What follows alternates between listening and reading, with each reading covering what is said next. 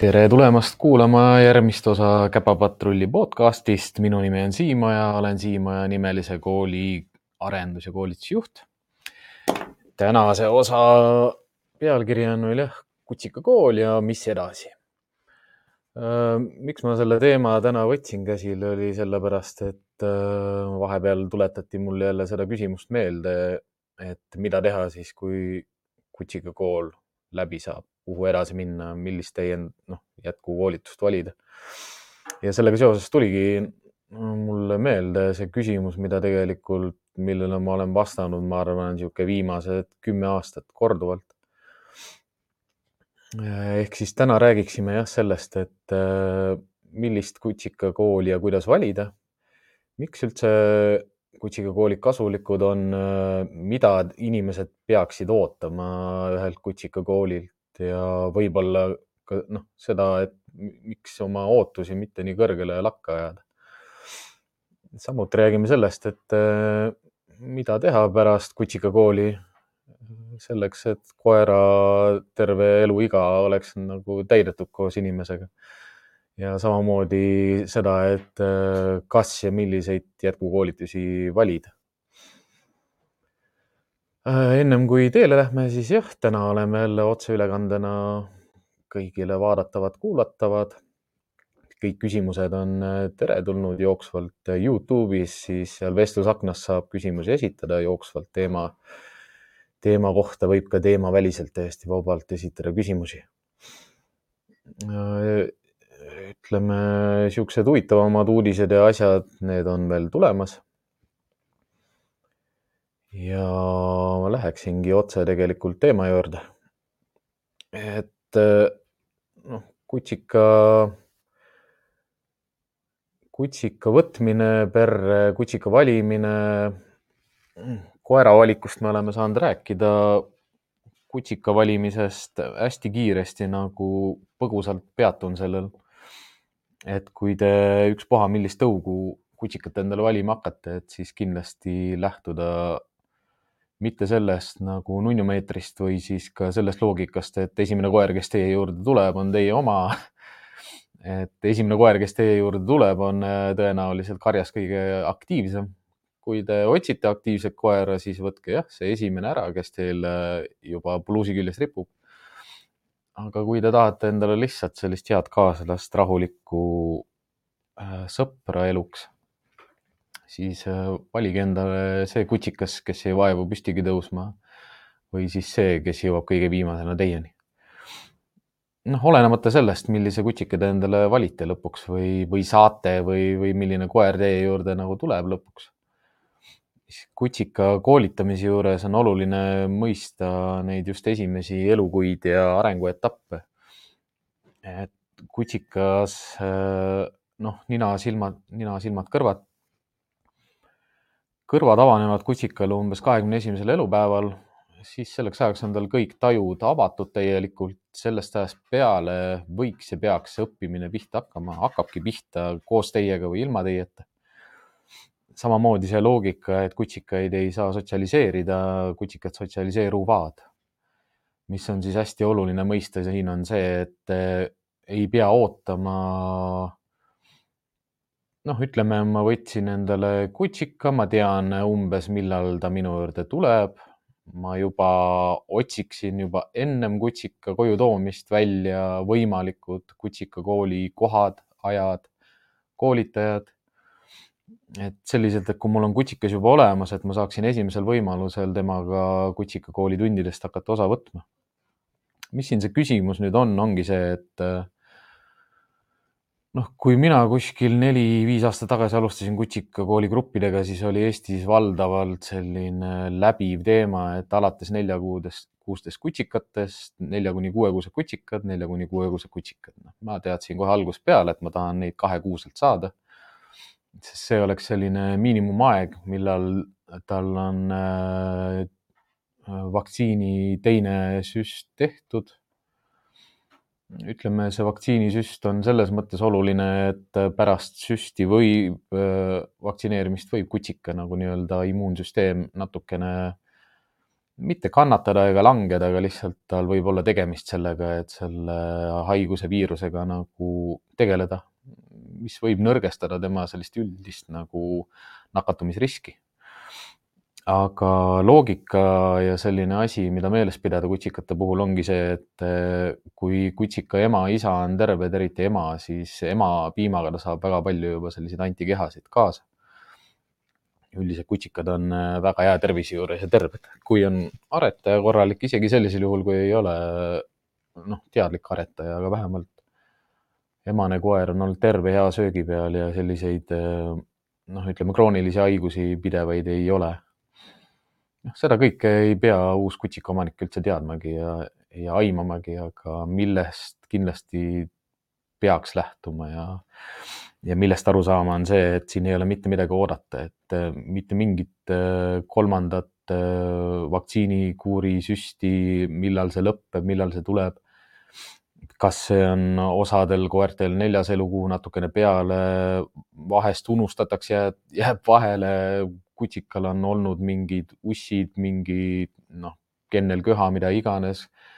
Jälle see viimase süsti kuurlikkuse edasi, siis lõpuks jõutakse viie või kuuekuuse koeraga kutsikakooli, mis minu jaoks on täiesti nagu absurd, sellepärast et see ei ole enam kutsik, noh, ta ei ole see kutsikas, keda, kelle jaoks kutsikakool on mõeldud. kutsikakool on mõeldud selliste, sellises vanuses kutsikate jaoks, kes on kahe kuni neljakuused no ütleme, niisugune neli pool kuni viis oleks üsna push imine, aga ütleme, viis võiks olla ka see aeg, kui kutsikakooli viimane tund nagu lõpeb, mitte algab. Noh, ütleme reeglina on äh, kutsikakoolides niisugune kaheksa kuni kümme kohtumist keskmiselt. Äh, kui see on nädalas korra, see tähendab, et kümme nädalat, kümme nädalat on kaks ja pool kuud. et noh, kui sa lähed äh, nelja-viie-kuuse kutsik, aga kutsikakooli, siis sa lõpetad äh, kutsikakooli kuue või seitsmekuuse koeraga, kes on juba tegelikult teismeline. noh, kus teismeiga hakkab, ongi, ongi pärast seda, kui hambad on ära vahetunud kuskil neljas-viies elukuu. kutsikakooli, äh, kutsikakooli valides on oluline vaadata selliseid koole, kellel on ka õppekavad avalikud. kui te surfite neid kodulehtesid ja, ja kasvõi Facebooki lehtesid ja seal ei ole väga kirjeldatud seda, mida õpetatakse, kuidas õpetatakse, miks õpetatakse, mis vastutuse õp õpetaja ise võtab oma koolituse läbiviimise eest, mis on need eeldatavad õpisaavutused või õp, jah, õpisaavutused, mida te saavutate selle kahe kuuga seal kutsikakoolis ja, ja mis teemasid käsitletakse. et noh, kutsikakool ei pea olema trikikool, et kus õpetatakse erinevaid trikke. kutsikakool peaks olema selline koht, kus õpetatakse kutsikat majandama, kutsika maailmast aru saama, koera maailmast aru saama, koera sotsialiseerumisvajadusest aru saama kuidas piire, piiranguid ja reegleid kehtestada, kuidas teha nii, et kutsikas ei pissiks ega kakaks tuppa, kuidas õpetada kutsikas üksi olema, kuidas õpetada kutsikas mängima, kuidas õpetada kutsikas jalutama. Ja üks kõige olulisem asi ja kõige parem asi, mis ükspuha millisest kutsikakoolist te saate, ongi see sotsialiseerumise osa, kus kutsikas lihtsalt näeb teisi inimesi ja teisi loomi, noh, teisi koeri. Et sotsialiseerumine ei pea olema selline, et äh, koerad ronivad üksteise otsas ringi, ajavad üksteist taga, näksavad ja näpistavad ja, ja kiusavad ja, ja tüütavad üksteist, vaid kutsikate puhul aitab ka sellest, kui nad lihtsalt näevad teisi koeri. Nad ei pea ilmtingimata, ilmtingimata kõikide koerte ja inimestega koos olema, et piisab sellest, kui nad näevad lihtsalt koeri või inimesi. siin on ka selline koht, kus, kus palju-palju eksitakse sellega, et koeri hoitakse, noh, kutsikatega liigutakse vähe, jalutatakse vähe, ei, ei taheta väga nagu koormata neid või nende keha. Ei õpetata neid treppidest käima. äh, räägitakse igasuguseid erinevaid lugusid, kuidas nad küll, küll neil selgrood painduvad läbi ja kaelad murduvad otsast ära ja jalad lähevad katki ja no isiklikku kogemu-, isiklik kogemus puudub ühegi kutsikaga. Äh, kahe poole aasta jooksul need kutsikad, kes mul kutsikakoolist läbi käisid, äh, alates kahe poole kuusest, äh, mõned kutsikad olid nii pisikesed, tulidki täitsa kahekuuselt kutsikakooli, mis oligi nagu kõige kihvtim, ehedam ja kõige parem selline sotsialiseerumise aeg, nagu kriitiline õppimise aeg noh, terve selle aja jooksul oli üks kutsikas jäi haigeks, mitte kutsikakoolis, jäi kutsikakoolist väljast haigeks ja lihtsalt puudus ühest tunnist. noh, nimelt tal oli kennelköha. noh, ja kennelköha ta sai tuttava koera käest. et kui mul on, kui mul on, noh, ütleme, mul on pühapäeviti treeningsaal ja mul on neli gruppi kes käivad järjest sealt läbi. vahepeal tuulutame lihtsalt, ei, ei pese, noh, kakad, pissid, kui juhtub midagi, siis ikka pesed, puhastad ära. Aga koerad käivad hommikust õhtuni päevad läbi, õhtul tulevad suured koerad veel sisse, hommikul on hotellikoerad, päeval on hotellikoerad saalis. ja kutsikad ei jää haigeks, et ma küll ei, ei poolda mitte kuidagi seda, et, et keegi laseb oodata, oodata ja oodata, et millal sa lõpuks kutsikaga saad kutsikakooli minna. kutsikakooli mõte on see, et koer, kutsikas näeks teisi koeri ja inimesi. see päästab suuresti nagu suure hulga koolitajaid koolitajaid ja õpetajaid ja treenereid, sest äh, olenemata sellest, mida nad seal oma tunnis plaanivad teha või, või korraldavad või läbi viivad, olenemata sellest, äh, kui, kui ka miski muu nagu välja ei tule ja, ja midagi väga meelde ei jää ja, ja midagi sellist nagu praktilist kasulikku pikas perspektiivis tundub, et ei tehta, siis kõige praktilisem asi, mida te kutsikakoolis saate, ongi see, et kutsikas saab olla teiste koerte ja inimestega koos see, see annab väga tugeva sellise aluse sellele, et, et kutsikast saab sotsiaalne, sotsiaalne koer. seda inimesed ei märka ja ei oska näha. paljud kutsikaomanikud on ka esmased koeraomanikud. Mis mul oli selline au, oli see ka, et koolitajad käisid minu kutsikakoolis oma koertega. sest noh, kutsikakooli oluline roll ongi see, et, et koerad saaksid lihtsalt koerad olla ja olla, noh, ringi joosta, mängida seal. inimesed on need, kes peavad õppimas käima. ja kui te neid äh, koole valite, siis äh, noh, olemata sellest, et kui ma tahan näiteks saada kvaliteetset täienduskoolitust, siis ma eeldan, et äh, kooli kodulehel on õppekavad üleval. ma saan lugeda, ma saan vaadata, mis teemad on mitu korda me kohtume, kes on õpetajad, kes on koolitajad, mis kompetents neil on, kuidas nad kvaliteedi tagavad, kuidas nad õppekvaliteedi tagavad. Ja kui ma kohale lähen, siis ma tahangi näha seda, mida õppekavas lubati või kasvõi kavas või kirjelduses või kuidas iganes see on vormistatud kuskil. et niisugused suured ümmargused jutud on ainult jutud niikaua, kuni, kuni seda on tõestatud ja kui seda ei ole tõestatud, siis õppekava on selline dokument, millest koolitaja peab lähtuma oma tegevuses, võttes sellega vastutuse õpilaste ees. Ja täites seda äh, õppekava sisu ehk siis õpiväljundeid. iga tund töötab selle nimel, et äh, õpilased saavutaksid lubatud õpiväljundid õpiväljundeid kirjutatakse taval-, kirjeldatakse tavaliselt miinimummääral. ehk siis ei ole ka kuidagi loogiline või eeldatav, et, et nüüd kümme korda me kohtume, igas tunnis on erinevad teemad.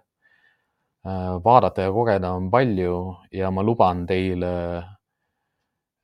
kindlasti kutsikakooli lõpuks, et te oskate ja teate kõike. noh, võimatu tunniajased kohtumised, kutsikad äh, väsivad kiiresti. et inimeste õppimine on segatud, sellepärast et kutsikad liiguvad ja teevad oma asju ja, ja keskenduda on raske.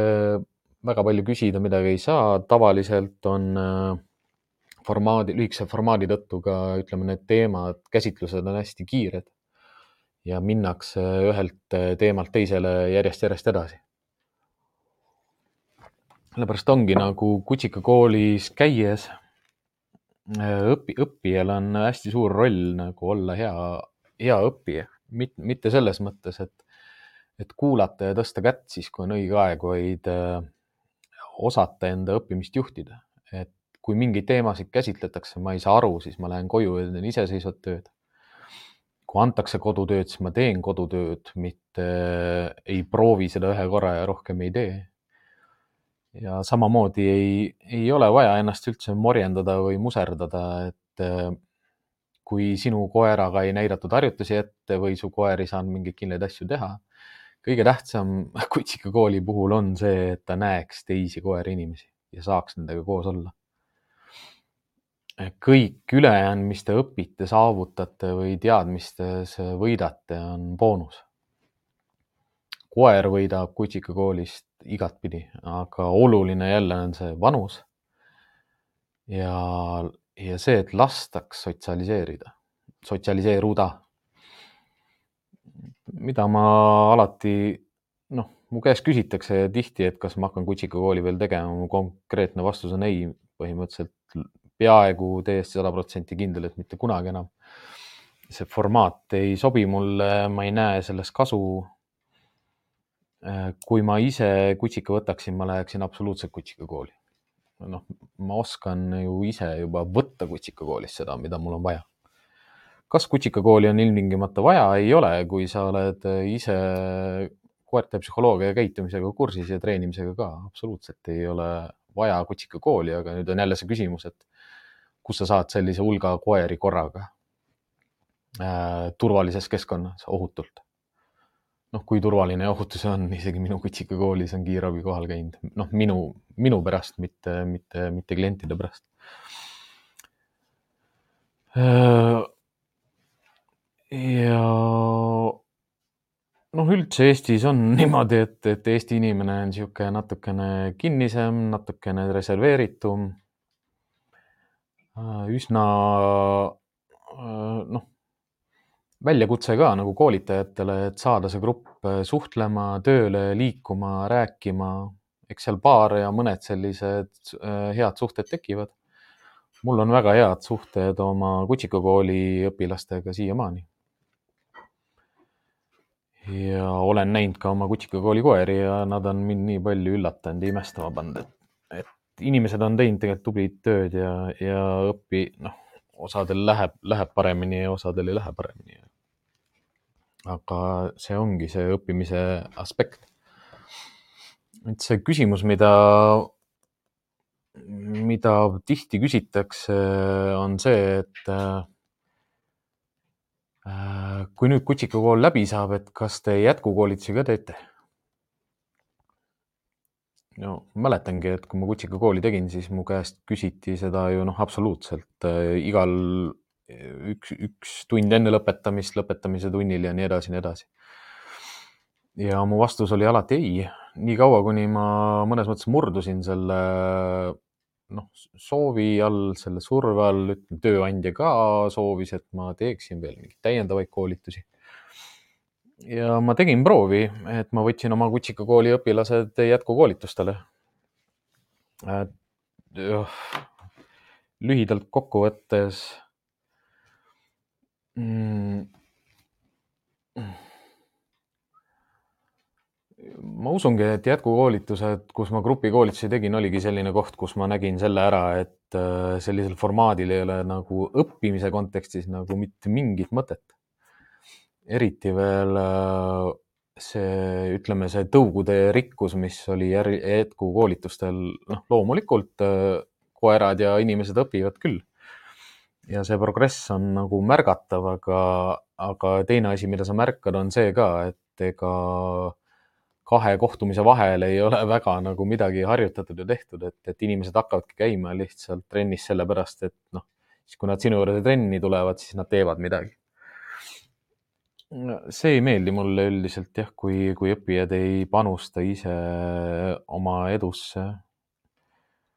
et noh, koolitaja saab teha ainult nii palju, kui tal on aega ja teadmisi ja oskusi sel ajal, kui ta on inimeste ja koertega koos. pärast seda on äh, õppija äh, enda vastutus panustada ja harjutada mis, mis koertega on oluline, on see, mõista on see, et näiteks kui, kui hakata kuulekuskoolitust või ükspuha millist nagu distsipliini koertega harjutama, siis, siis nagu mõtestada enda jaoks see, et mul on näiteks ühe, ühe käitumise õpetamiseks vaja saada sada viiskümmend puhast kordust.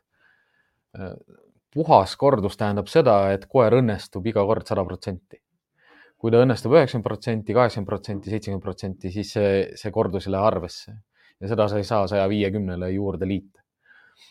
ja sada viiskümmend oleks selline korduste arv, mis nagu juhatab sisse, noh näiteks istu, lama, koos, kõrval, too, ese, näita.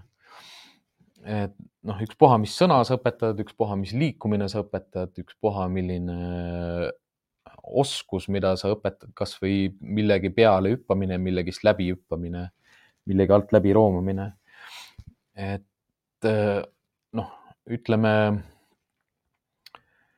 ütleme, et siuksed eh, takistusrajad, mida mulle meeldis Kutsika koolis teha asjadega, koerad sotsialiseeruvad ja harjuvad nendega kiiresti ära. Nad saavad aru ka sellest, et, et eh, see käib nii, mu jalad töötavad nii, mu keha käib nii see ei tähenda, et talle on selge näiteks see, et ma ütlen talle poom ja ta läheb ise poomi peale, sest tal ei ole noh, võimatu, ma ei ole selliseid korduseid saanud, ma ei ole seda sisse juhatanud. ma ei ole äh, kuidagi nagu loonud seoseid koera jaoks, ma ei ole enda jaoks mõtestanud algust ja lõppu. ja nii edasi ja nii edasi. et neid muutujaid on palju aga Enge, tere õhtust äh, Enge kirjutab, et käisin kutsiga koolis, kus koerad kõik rihma otsas ja üksteist vähemalt viie-kuue meetri, noh, üksteisest vähemalt viie-kuue meetri kaugusel. kordagi kutsik, kokku kutsikad ei saanud üheski tunnis. mis mälestus sellest koerale jääb? noh, sellest ei, ei jää koerale mälestus, ehk siis noh, mida koerte puhul oluline ka nagu teada või aru saada, on see, et koer, koerad ei ela minevikus. koerad ei ela ka tulevikus, koerad elavad hetkes. noh, mida hetkes elamine tähendab, on see, et isegi kui me klassikaliselt või operantselt tingitult oleme loonud talle mingi teadmise või arusaama äh, oma maailmast või ennast ümbritsevast, siis see ei tähenda, et, äh, et me kustutame ära tema sotsialiseerumisperioodi miks, miks kutsikate puhul ongi hästi oluline need esimesed äh, neli elukuud on noh, kuida-, ma ei oska nagu, kuidas, kuidas ma ületähtsustan midagi sõnades, ma lihtsalt räägin praegu, ma lihtsalt äh, räägin eesti keeles. kuidas nagu ületähtsustada seda, et kutsika elukaare esimesed nelu, neli kuud on nagu kriitilise tähtsusega. just sotsialiseerumise kontekstis õppimise kontekstis nagu, nagu ütleme, selle põhja loomisel või, või baasi loomisel. et vaevalt talle nagu noh, kutsikakooli, et noh, ta ei ärka üles teisipäeva, kolmapäeva hommikul, et noh, mulle teised koerad ei meeldi, sellepärast et kutsikakoolis nad olid kõik must viie-kuue meetri kaugusel. et siukseid mälestusi koertel ei ole Äh, küsimus ongi mitte selles, et mida ta õppis, vaid küsimus on rohkem selles, mida ta ei õppinud. sest tal lihtsalt ei lastud sotsialiseeruda. noh, siin on hästi oluline mõista seda ka, et koer ei saa sotsialiseerida. koerad sotsialiseeruvad. aga nad saavad sotsialiseeruda ainult äh, olukordades ja keskkondades, mis on nende jaoks turvalised kus nad tunnevad ennast turvaliselt ja kus nad saavad vabalt olla. et noh, praegu ka näiteks, kui, kui teha siukseid hotelle või, või grupijalutuskäike, siis igas grupis on, on üks, noh, üks koer või kaks koera sellised, kes istuvad ühe koha peal, nad on täiesti lukus, nad ei taha teistest mitte midagi teada. Nad ei lase endale kedagi ligi, nad ei lähe millegagi kaasa, nad ei liigu mitte kuskile, nad ei tee, noh, isegi teist nägu mitte. Nad on täiesti lukus, täiesti kinni, nad ei oska olla, nad ei õpigi olema noh, miks nad ei õpi olema, on sellepärast, et inimene on ka märganud seda koera käitumises, et ta on ebakindel, et ta on endasse hoidev, et ta väga palju ei liigu. Seda on proovitud nüüd siis kas toiduga meelitada või hellusega lohutada, kumbki asi ei tööta selleks. Äh, ma ei ütle, tähendab, noh, mis seal oluline ongi mõista, on see, et seda koera saab veel aidata, koerad õpivad elu lõpuni siit ma lähekski tegelikult selle kutsikakooli jätkuga nagu edasi, et mida teha pärast kutsikakooli või milliseid äh, koole või koolitusi valida, ongi, küsimus ongi puhtalt selles, et, et mis on sinu eesmärk, mida sa tahad oma koeraga teha? milleks sa selle koera võtsid? mis oli see eesmärk, kui see eesmärk oligi, et ma võtsin endale border collie sellepärast, et ma tahan agility'ga tegeleda väga hea, super, jumala hea plaan juba ennem kutsika võtmist. võtsin endale, ma ei tea, taksi sellepärast, et ma olen jahimees, noh, super plaan jälle, väga hea, seal taksil on tegevust. Aga kui te võtate endale, ma ei tea, saksa lambakoera või taani dogi ja teil ei ole nagu eesmärki või plaani nagu, mida tegema hakata, siis ei ole vaja ka umbes noh, ütleme, millal see teismeiga, millal ta teile ilmselt hakkab nagu noh, tüli tegema on äh, viies-kuues elukuu ja kaksteist kuni viisteist elukuu. et need ei ole need ajad, kui minna kuskile kooli äh, sest see ei ole see pääsetee või, või lahendus. sest äh, noh, millest peab aru saama, on see, et koeraga ei ole mõtet alustada ühtegi treeningdistsipliini ennem, kui ta ei ole tasakaalus, kui ta ei ole rahul, kui ta ei ole õnnelik, kui ta ei saa aru oma rollist ja positsioonist maailmas.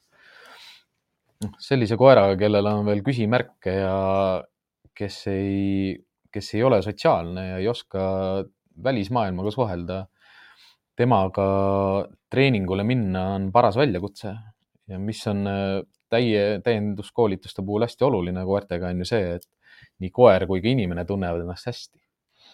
Et see, see kehtib nagu rusikareegel, et halva enesetundega ei tohi trenni teha. Ini-, noh, koer, koer saab sellest aru ja, ja sa ei taha luua sellist sidet koeraga, et, et äh, ma tunnen ennast halvasti, kui ma sinuga koos sotsiaalselt nagu tegelen ja lõbutsen, noh, nii-öelda mängin ja, ja treenin. et noh, kutsika koolile ei pea kohe midagi järgnema. Kutsika koolile peakski järgnema see, mida kutsika koolis õpetati, selle kinnistamine, selle mõtestamine, selle, selle paika loksutamine. et noh, mis ongi ju suuresti selline komistuskivi, on see, et kui Kutsika kooli õpiväljundid või sellised saavutatavad eesmärgid on see, et me iga tund õpetame talle ühe uue triki. Äh, koolituse lõpuks peab tal selge olema klikeri tähendus. Äh, koolituse lõpuks peab ta istuma, lamama, oskama otsa vaadata ja asju, mänguasju mulle tagasi tuua. kõik Äh, kõik need käitumised on äh, ebaloomulikud. ükski koer ei tööta looduses käsu peal mingeid asju tehes. Et kutsika kooli põhimõte peaks olema kindlasti rohkem selline majandamine, sotsialiseerimine, karjastruktuur, psühholoogia, tervis, toitmine, hooldus, küünelõikus, karva, karvahooldus, kõrvad, silmad, hambad massaaž. Noh, loomulikult on ka mängutund, on jalutuskäigutund, on treeningutund. Aga need on kõik sellised, et, et sa saaksid nagu puudutada, nuusutada, katsetada. tänapäeval nagu ava Youtube ja vaata, mida teha koeraga, et see, kui sa tahad koeraga noh, mingeid trikke teha. üldiselt, kui kutsikakool on läinud väga hästi, kodune majandamine on saanud koeraga paika jalutuskäigud on nauditavad ja, ja koer on sotsiaalne teiste inimeste ja koertega, noh, oma, oma taluvuse piires, see, kes ta on, see, see, kel, kes ta temperamendina ja energiana on siia maailma sündinud. mis ongi hästi kihvt nagu nendel grupijalutuskäikudel, mida ma olen teinud, vaadata, on see, kui mõned omanikud lihtsalt nagu suu ammuli jäävad vaatama, et millal tema koer mängima hakkab et see noh, see on nagu täiesti tavaline, et koerad ei mängi, kui neil on vabadus. See on täiesti tavaline, et kui kaks koera mängivad, siis viis koera ei mängi, sest nad ei taha. see on täiesti tavaline, et noh, mingi, mingi signaal selles karjas paneb terve selle karja liikuma. sest äh, terve see koerte kari mõistab mingit valet energiat või mingit kindlat lõhna ühtemoodi millest ongi kõige rohkem kahju sellistel äh, karjajalutuskäikudel või noh, ütleme Nuf-Nufis ka äh, puurivaba päevahoid, et kus koerad on vabad ja liiguvad. kui sa seal, kui sa seal oled, siis sa näed ju, mida nende koertega ei ole tehtud või on valesti tehtud. noh, minu jaoks kõige suurem selline takistus nagu individuaalkoolitustel ongi see, et kui koerale on õpetatud mingit kuulekuselemente, sest äh, ma ei taha selle koeraga sellist suhet, et äh, kui ma kuskil olen, mingeid piire sean, äh, mingit keskkonda või teisi koeri tutvustan, et hakkaks mulle kuulekuselemente pakkuma selleks, et noh, vältida seda mm, koormust, mis tuleb sotsiaalsest suhtlusest et noh, ma, ma ei tee seda, ma teen parem seda, ma ei tee seda, ma teen parem seda. see on lihtsam, selle eest saab preemiat. See ei aita koera, koera muuta, sellepärast et ta pakub lihtsalt kuulekuselemente.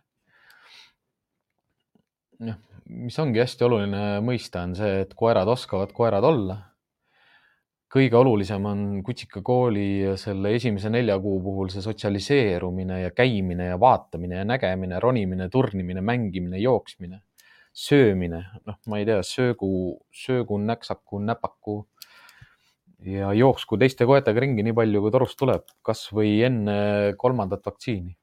peaasi, et need koerad, kellega ta ringi jookseb, on terved. noh, see ongi selline paradigma nagu, et, et ma ei tea, kas nüüd veterinaarid või kasvatajad või kes suudavad selle kutsika omaniku nagu sellisesse maailma elama panna. Et eh, noh, nüüd, kui sa õue lähed ja kaugemale kodust kui viiskümmend meetrit, siis koer sureb ära, noh, ei, ta ei jää haigeks, temaga ei juhtu mitte midagi. et noh, see on, see on nii, see on niisugune asi, millest tuleks nagu lahti saada. see on selline koht, kus inimesed peaksid olema palju teadlikumad see on selline koht, kus tuleks teadlikult valida koer, mõtestada tema koju toomine, mõtestada tema esimesed neli-viis elukuud, kus ta sotsialiseerub, kellega, keda ta näeb. kui te võtate endale metsa koera, siis see on nagu üsna noh, loterii viiskümmend, viiskümmend, mis asja te lõpuks saate, sest kui te seal metsas ei näe teisi koeri, teisi inimesi siis sealt võib tulla erinevaid selliseid erutuse, agressiooniga, hirmuga seotud käitumismustreid välja. Sest ta lihtsalt ei ole sotsialiseerunud, ta ei ole saanud sotsialiseeruda teiste inimeste, teiste koertega, et äh, ma eksin praegu. Ilmselt, kui ma ütlen, et Stanley Cohen mm, ei ole, see on see üks teine, üks teine koerte koolitaja, käitumisspetsialist, kes, kes enda jaoks nagu noh, ma ei pea seda üldse nagu absurdiks, ma pean seda üsna loogiliseks ja isegi nagu käegakatsutavaks, et ennem neljandat elukuud peaks kutsikas kohtuma kahesaja viiekümne erineva inimesega ja saja viiekümne erineva koeraga. et noh, kui te mõtletegi nüüd niimoodi, et äh, kas ta peab kohtuma saja viiekümne jah, just erineva koeraga või ta lihtsalt peaks inimesi nägema erinevaid kahesaja viiekümnel korral ja nägema koeri saja viiekümnel erineval korral, siis see ei olegi noh, nii absurdne, kui me võtame seda, et äh, kuus on noh, kahes kuus on kuuskümmend päeva Leete teel on mõlemal pool aedades on kuskil äh, kaheksa koera. kui ma käin Leete teel jalutamas niimoodi, et ma lähen ühtepidi ühele poole ja teistpidi tulen tagasi, siis mu koer nägi kuuteteist koera, kui ma selle kuusteist korrutan kuuekümnega, noh, ma saan vabalt selle, selle nõude täis või sellise miinimumi täis. see küsimus ongi selles, et äh, kas ta näeb nii palju erinevaid koeri, kes on erinevates meeleseisundites, kas ta tunneb nende lõhna, kas ta saab nende kehakeelt vaadata. et sellepärast ongi ju kutsikakool on ka juba hea koht, kui noh, minu kutsikakoolis oli viis koera, aga ütleme, et tehaksegi ju selliseid kutsikakoole, kus on kümme või kaksteist koera, mis on täiesti absurd. ja noh, kui ta käib kümme korda seal, siis ta on näinud juba viiskümmend vähemalt viiskümmend, sada koera, sellepärast et teine grupp tuleb peale, siis ta näeb neid teisi koeri ka. ja nende erinevat käitumist ja nende erinevat su suhtlusoskusi ja mik, miks need on erinevad, ongi see ju, et inimesed õpetavad kutsikatele erinevaid käitumismustreid. seda on kutsikakoolis nagu eriti äge vaadata just nagu esimestes tundides, kui noh, kui erineva käitumisega juba need pisikesed kahe, kahe poole kuused kutsikad on, sellepärast et nad on juba vähemalt nädal või kaks nädalat inimesega koos olnud. Noh, mida ma mõtlen just selle käitumismustrite all, on see, et näiteks kui koer käitub koerale hästi ebaloomulikult. noh, kui, kui ma tean koerte käitumise spetsialisti ja, ja psühholoogina seda, et äh, koerad loomulikult naturaalselt looduses selliseid asju ei tee.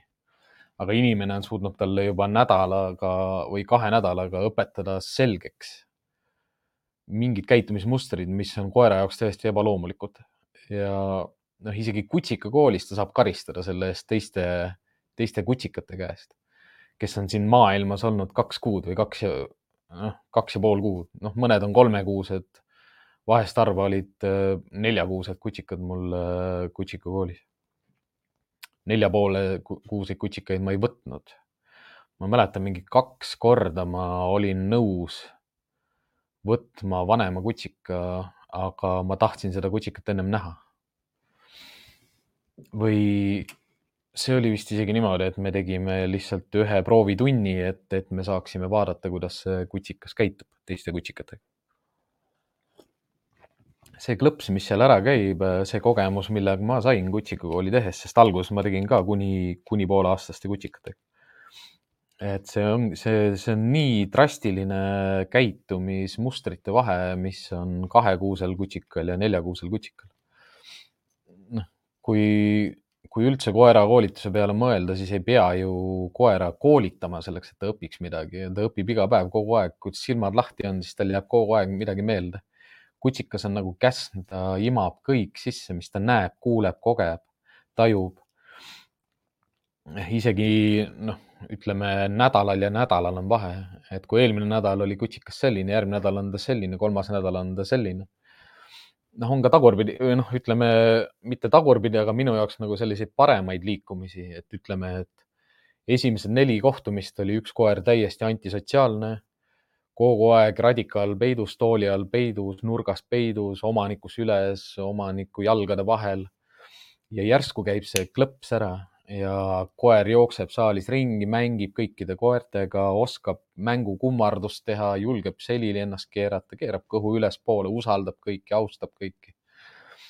et noh, minu jaoks ongi see, et, et kui, kui selline kaks-kolm kuud on suudetud seda kutsikat õpetada nagu valesti, ehk siis võib-olla liiga palju inimlikustades, liiga palju kodus hoides, mitte sotsialiseerides või sotsialiseer-, sotsialiseeruda lastes ja ta tuleb nüüd kutsikakooli, siis alguses see ongi tema jaoks täielik šokk. sellepärast et mis maailm see on, kus koerad ringi jooksevad nagu, et noh, kuidas ma teen seda, mida ma tegema pean, ta ei mäleta ju enam seda, mida ta kutsikana tegi.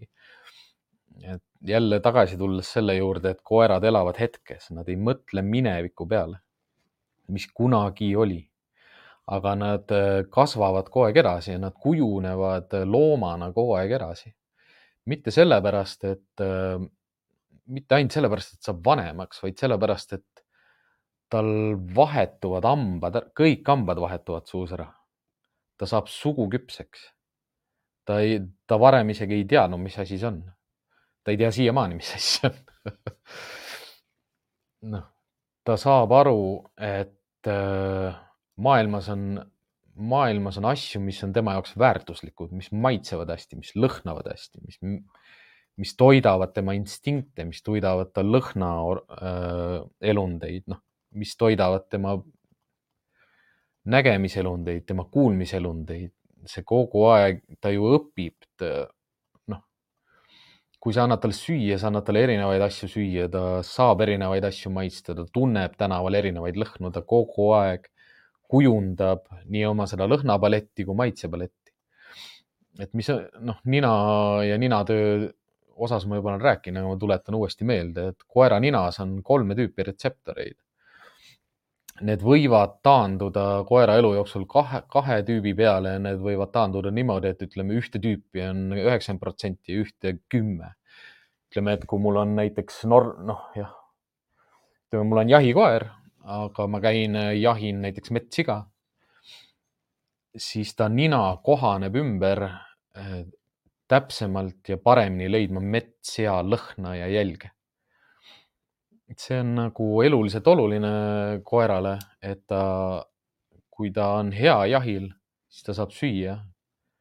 ta saab inimesega koos olla, ta saab inimesele endale kasulik olla nüüd äh, kõik koerad, kes, kes teiega koos elavad või teie juures elavad, ega nende ninad täpselt samamoodi kohanevad ümber nendele lõhnadele, mis on primaarsed või sellised äh, noh, tema elukeskkonnas nagu esil olevad. ja noh, tõenäoliselt see on ikkagi teie perelõhn või ühe kindla pereliikme lõhn või, või siis naise lõhn või mehe lõhn, noh, ütlemegi, see ongi kõige parem niisugune nagu testosteroon või östrogen ja ta nina harjub sellega ära ja loob sellele lõhnale tähenduse, et koera, koera mälupilt ja selline mälumaailm on selline, et ta seob, noh, ta kombineerib lõhnu ja pilte, lõhnu ja mälupilte. lõhnad, mälupildid. noh, ja siis kõige parem niisugune kontroll või tõestus sellele ongi see, et noh, ükspuha, milline kutsikas või ükspuha, milline noorem koer. kui te kükitate, siis nad jooksevad teie juurde vahet ei ole, kas sa oled sõber või vaenlane või noor või vana või kukk või kana. noh, ütleme sihuke seitsekümmend protsenti kõikidest koertest, kui inimene kükitab, koer jookseb kiiresti tema juurde. noh, õpetatud käitumine. et see ongi nii huvitav nagu äh, kui sa juba näed koera käitumises mingeid kindlaid mustreid, mida ta on siis ise õppinud või mis on maailm talle õpetanud. ja sa hakkad juba märkama ja tajuma seda, et et üks või teine asi, mida ma tegin, on nüüd tal selge. kasvõi noh, näitena tuua see, et, et äh, ma otsustasin, et mu koer elab hoovis, noh, on õues, kogu aeg on õues, ta on õuekoer, ta elab väljas. aga noh, peabki silmas pidama seda, et, et kõik, mis koer üksinda olles ära õpib, jääb talle eluks ajaks meelde. miks seda öeldakse, ongi sellepärast, et äh, kui koer midagi üksinda olles ära õpib, siis ta hakkab seda kordama. ja kui ta hakkab seda kordama ja saab sada viiskümmend kordust kätte, mis on tema jaoks nagu piisav korduste arv, et mingi asi kinnistuks tema käitumises, siis ta hakkabki seda käitumist kordama. ja noh, kutsikaid ja koeri ei pea, pea otseselt nagu jätkuvalt nii-öelda muruplatsi peal või treeningsaalis õpetama selleks, et nad oskaksid koerad olla üldiselt äh, noh, sellepärast ma pooldan ka rohkem selliseid individuaalkoolitusi ja individuaalsemaid lähenemisi, et, et äh, tegeleda just selle küsimusega, mis selle koera või inimesega seoses on ja tegeleda nende oskustega, mis sellel koeral on, vajavad parandamist või, või vajavad muutmist. kui sa, noh, kui teha selliseid grupikoolitusi ja lüüa kõik nagu ühe puuga ja noh,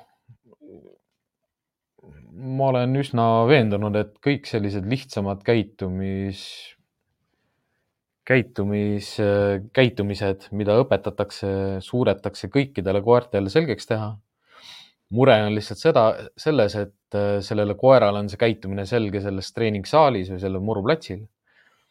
Ja teiseks, sellel koeral on see käitumine selge ainult selles keskkonnas ja sellistes tingimustes sest seda on piisavalt kordi kor-, lihtsalt korratud, korratud, korratud, korratud, noh, nüüd tuleks needsamad kordused viia teise keskkonda ja korrata ja korrata ja korrata ja korrata. aga mida ei pea kordama, on, on seda, kes koer ise on. et noh, kui, kui koera koolitusega tegeleda kogu aeg sellega, et tast teha midagi, mida inimene tahab, et ta teeks, kogu aeg tegeleda sellega, et, et tal on midagi teistmoodi kui see, mis mulle meeldiks. nüüd ma töötan äh, nui neljaks selle nimel, et, et saada ta selliseks, nagu mulle meeldib mm,.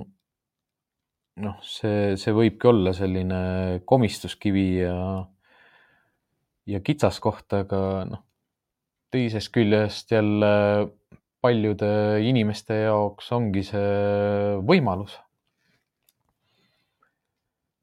ma võtsin omale koera sellise plaaniga, et ma kindlasti lähen temaga kuskile koolitusele, ma tahaksin äh, kuulekuskoolitusel käia, sõnakuulelikkuse koolitusel, rallikuulekuse koolitusel, agility koolitusel. Agility koolitusel ei pea ilmtingimata minema ju nende spetsiaalsete tõugudega, vaid seal võib käia ükspuha millise koeratõuga, lihtsalt küsimus on selles ja et äh, milline tase on saavutatav minu koeraga selles distsipliinis. et noh, seal ei, ei maksa endale mingeid õhulosse luua. ja kindlasti saab rääkida koolitajaga ja arutada ja konsulteerida. ja noh, ka selgitada ja põhjendada oma mõtteid ja oma valikuid, et miks sa ühte või teist asja tahad teha ja, ja ka küsida julgelt nagu, et kas see oleks nagu minu aja ja raha raiskamine või, või sellel on on mingi tulemus sellel eesmärgil, mida ma soovin saavutada. kui ma Betcity's töötasin, siis ma nägin, noh, seal algselt oligi see, ma olen sellest varem ka rääkinud, oli see treeningsaal oli niimoodi, et seal olid klaasid, kus sa said vaadata nagu trenne saalis. ja mulle meeldis neid trenne vaadata just sellepärast, et, et noppida sealt välja enda jaoks need inimesed, kus sa näed, et inimese ja koera vaheline suhe on paigas tihtipeale oli see ka ju see hetk, kus äh, sellel koeral ei ole rihma küljes. sest ta on treeningssaalis koos inimesega, talle meeldib selle inimesega koos olla ja nad on, nad saavad hästi läbi. ehk siis tal on, tal on maailmas üks sõber, kellega koos olla ja tal ei ole teisi vaja. Välja arvatud, kui teised teevad mingeid lollusi või, või mingi erutus tekib mingil, mingil teisel põhjusel. et seda see, see selline loogika kujunemine või selline äh, filosoofia või metodoloogia kujunemine minu, minu kui koolitaja arengus on kindlasti tugevalt seotud kõikide nende mälupiltidega, mis mul koertega seoses on, koerte koolitamisega seoses on, koerte treeningutega seoses on, erinevad distsipliinid, mida ma olen ise teinud, mida ma olen äh, saanud käia vaatamas ma ei teagi, ma ei ütleks niimoodi, et ma olen õudselt palju erinevaid koerte koolitusi käinud vaatamas, aga ma olen käinud kutsikakooli vaatamas. Ma olen käinud agility treeninguid vaatamas. Pärnus, Tallinnas. Mm.. ja noh, ma näen alati mingeid kitsaskohti ja, ja kogen, kogen ka selliseid kiireid parandamise võimalusi. Hästi kihvt oli käia Pärnus ühe agility kool, noh see oligi kõige pullim, et ma läksin koduvisiidile kas see oli Pärnu, oli küll Pärnus jah, läksin koduvisiidile Pärnus Agility koolitaja juurde, tema koolitusele teda koolitama. ja koolitus oli edukas. noh, kui sa koera käitumist mõistad, seda, kuidas ta õpib ja miks nad mingeid asju teevad, siis see parandus, mis sellel koeral oli nagu vajalik, see oli nii, see ei olnud kerge. Ja see tuli nagu, nagu paari kordusega, aga, aga me saime selle no ma usun, et me saime selle korda, sest äh, me ei ole rohkem rääkinud, noh, seal ongi alati see küsimus, et kas läks nii sitasti, et enam ei võeta ühendust või läks nii hästi, et pole vaja enam ühendust võtta. ma ise, ma ise loodan ja pakun, et see on alati see esimene variant, sest noh, mis mulle oma koolituste juures kõige rohkem ongi meeldinud, on käia inimeste juures, kes, kes teavad midagi koertest. noh, nendega on palju lihtsam nendega on lihtsam suhelda, nad saavad aru kergemini, mida sa räägid no,. Neil on äh, tugevamad sellised elukogemused seoses koertega ja koerte käitumisega. et sa ei räägi tihtipeale nagu äh, noh, millegist abstraktsest, mida ta ei ole kunagi näinud ega kogenud. Sest noh, kutsikatega sa alati maalid ka sellist nagu pilti tulevikust, mida, mida noh, kui on esmane koeraomanik, ega ta ei ole kunagi näinud, mis ühest täiskasvanud koerast võib saada, kui see on tema enda koer. noh, ütleme, et tal võib-olla on olnud koeri, et vanaemal oli koer ja isal ja emal oli koer ja, aga see on nüüd tema enda koer. ja sa maalid mingeid selliseid pilte mingitest maailmadest, kus ta ei ole mitte kunagi olnud, versus see, et sa koolitad inimest, kellel on, ma ei tea, neljas koer tal on olnud Rottweiler ja Dobermann eelmised ja nüüd ta mõtles, et ta võtab endale ühe, ma ei tea, Norra põdrakoera. ja nüüd tegeleb sellega, aga noh, need kõik tõud on erinevad, kõik koerad on erinevad. ja maailm, mis koeranduse ümber on, see pidevalt areneb ja muutub, et ta ei seisa paigal. ja ta noh, eks see keerukus või raskus tulebki sealt sellest, et on veel sellist palju sellist nagu palju selliseid paradigmasid ja vale arusaamu sellest nagu, et kuidas koeri koolitada, kuidas äh, nendega koos elada, kuidas nad töötavad, mida nad mõtlevad, mida neil vaja on, kus on nende tasakaal. Äh, aga noh, jätkuvalt on ka selline noh, neid kitsaskohti on koolitus, koerte koolitusmaastikul nii palju, et, et olenemata sellest, kui sa tahadki nagu midagi sellist asjalikku ja, ja põhjapanevat ja noh, kasulikku inimestele teha, siis sa juba mõttes jooksed vastu seina erinevate noh, ütleme tänapäeval on ju, on see andmekaitseseadused, siis on ütleme, filmimisega on seoses igasugused load, õigused, mida sa pead saama, kokku leppima äkki pärast keegi kaebab sind kohtusse või ütleb, et äh, ma ei tea sellest midagi.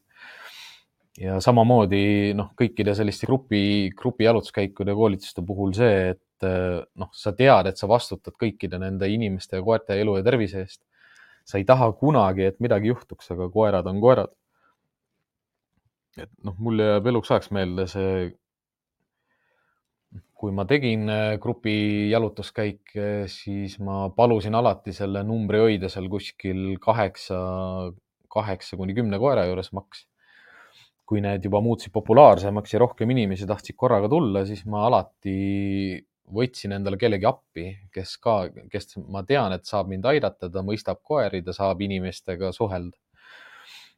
et noh, minu jaoks äh, on see lagi on viis koera, keda kellega ma suudan tunni aja jooksul individuaalselt tegeleda või noh, ütleme, see võib pikem, pikem ka olla mis ongi üldiselt selline jätkukoolituste miinus minu jaoks ongi see, et need jätkukoolitused ei peaks olema enam nii lühikesed. et need jätkukoolitused peaksid olema pikemad. sest äh, koerte treenimisega ei ole vaja väga palju nagu tegeleda lihtsalt oleks vaja vaadata, mida koerad teevad, kuidas nad seda teevad, miks nad seda teevad, kes ta on, mida ta teeb, kuidas ta neid asju teeb. et noh, koeraga nelja seina vahel elades, koerad ei ole väga animeeritud, nad ei tee erinevaid asju, nad ei suhtle keha, noh, nad suhtlevad kehakeeles palju, aga inimesena me ei märka seda ja ta ei suhtle noh, teise koeraga aktiivselt. aga kui panna ta sellisesse nagu noh, mitmekülgsesse dünaamilisse keskkonda, kus ta suhtleb tihti palju ja ta mõttelaadid ja, ja erutuse astmed ja see, kuidas ta suhtleb, mõtleb, teeb asju need muutuvad kogu aeg. seda noh, praeguses kontekstis saabki teha nagu ainult iseendale, et, et käia, käia vaata. ja noh, koolitusmaastikul on see ka, et äh, kõike tahetakse saada hästi kiiresti ja lihtsalt ja kohe ja, ja see peab olema hästi praktiline ja, ja, ja nüüd ja praegu ja, ja siin. koerad ei koertega ei pea kõik asjad käima nii kiiresti. kiiresti käivad selliste koertega, kes on targad ja aretatud selleks, et nendega asjad kiiresti käiksid. see ongi nagu nii kihvt tegelikult kui sa tead, kui kiire võib üks Belgia lambakoer olla. Ja kui sa saad ise ka veel aru, et sa ei ole piiri veel äh, kätte saanud, aga sinu jaoks on see juba liiga kiire. sest äh, noh, sa jääd maha, sa jääd ette ja kui sa nüüd pead tulema teenistuskoerte pealt erasektorisse tööle, siis äh, sisuliselt erasektoris nagu koerad nagu magavad või seisavad paigal, sest see on nii aeglane. aga samas jälle huvitav ja palju suurem väljakutse. Aga jah, ma ütleksingi niimoodi, et kui ma võtaksin kokku selle kutsikakooli teema,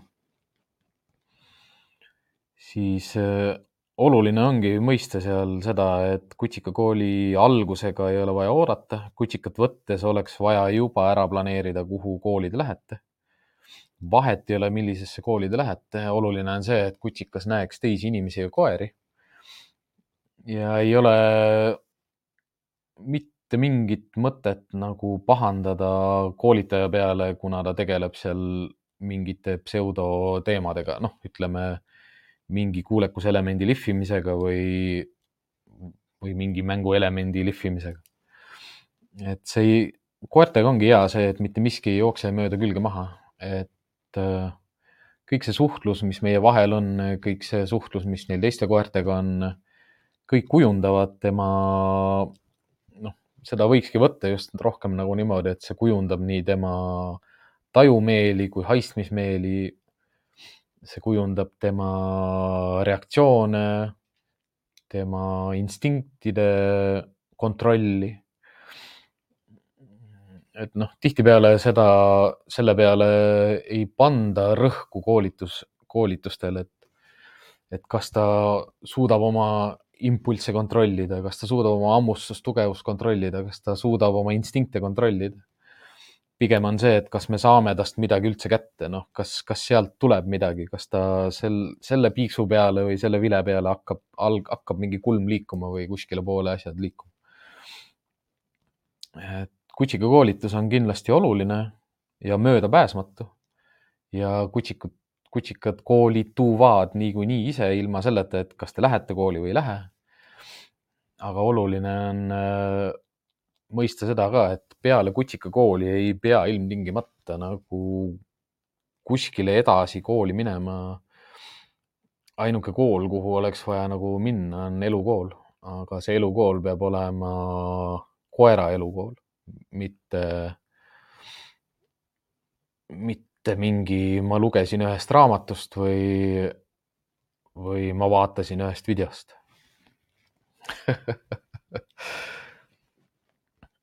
noh,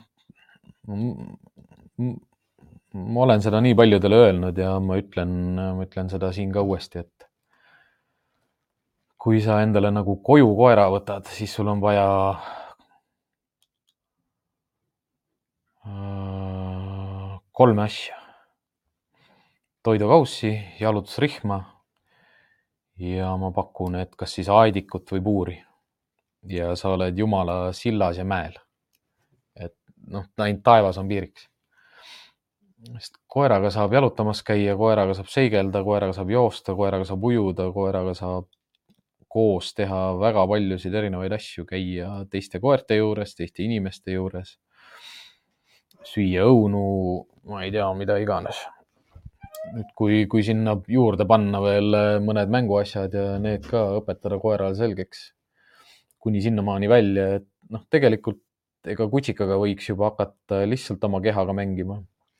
õpetada neid piire, et kui kõvasti mida võib hammustada ja kui kiiresti ta võib üldse liikuda, kui mänguaeg on, kuidas ja millal ja et noh, miks, miks toidukaussi on vaja, on sellepärast, et sinna sisse tõenäoliselt on hea vett panna.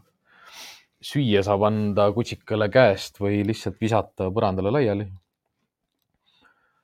jalutusrihma on vaja sellepärast, et öö, olenemata sellest, et koerad ja kutsikad püsivad inimeste juures ja on karjaloomad, siis koerad ei mõista väga hästi seda, mis on autod ja liiklus ja, ja parem nagu karta kui kahetseda, ehk siis rihm on igaks juhuks.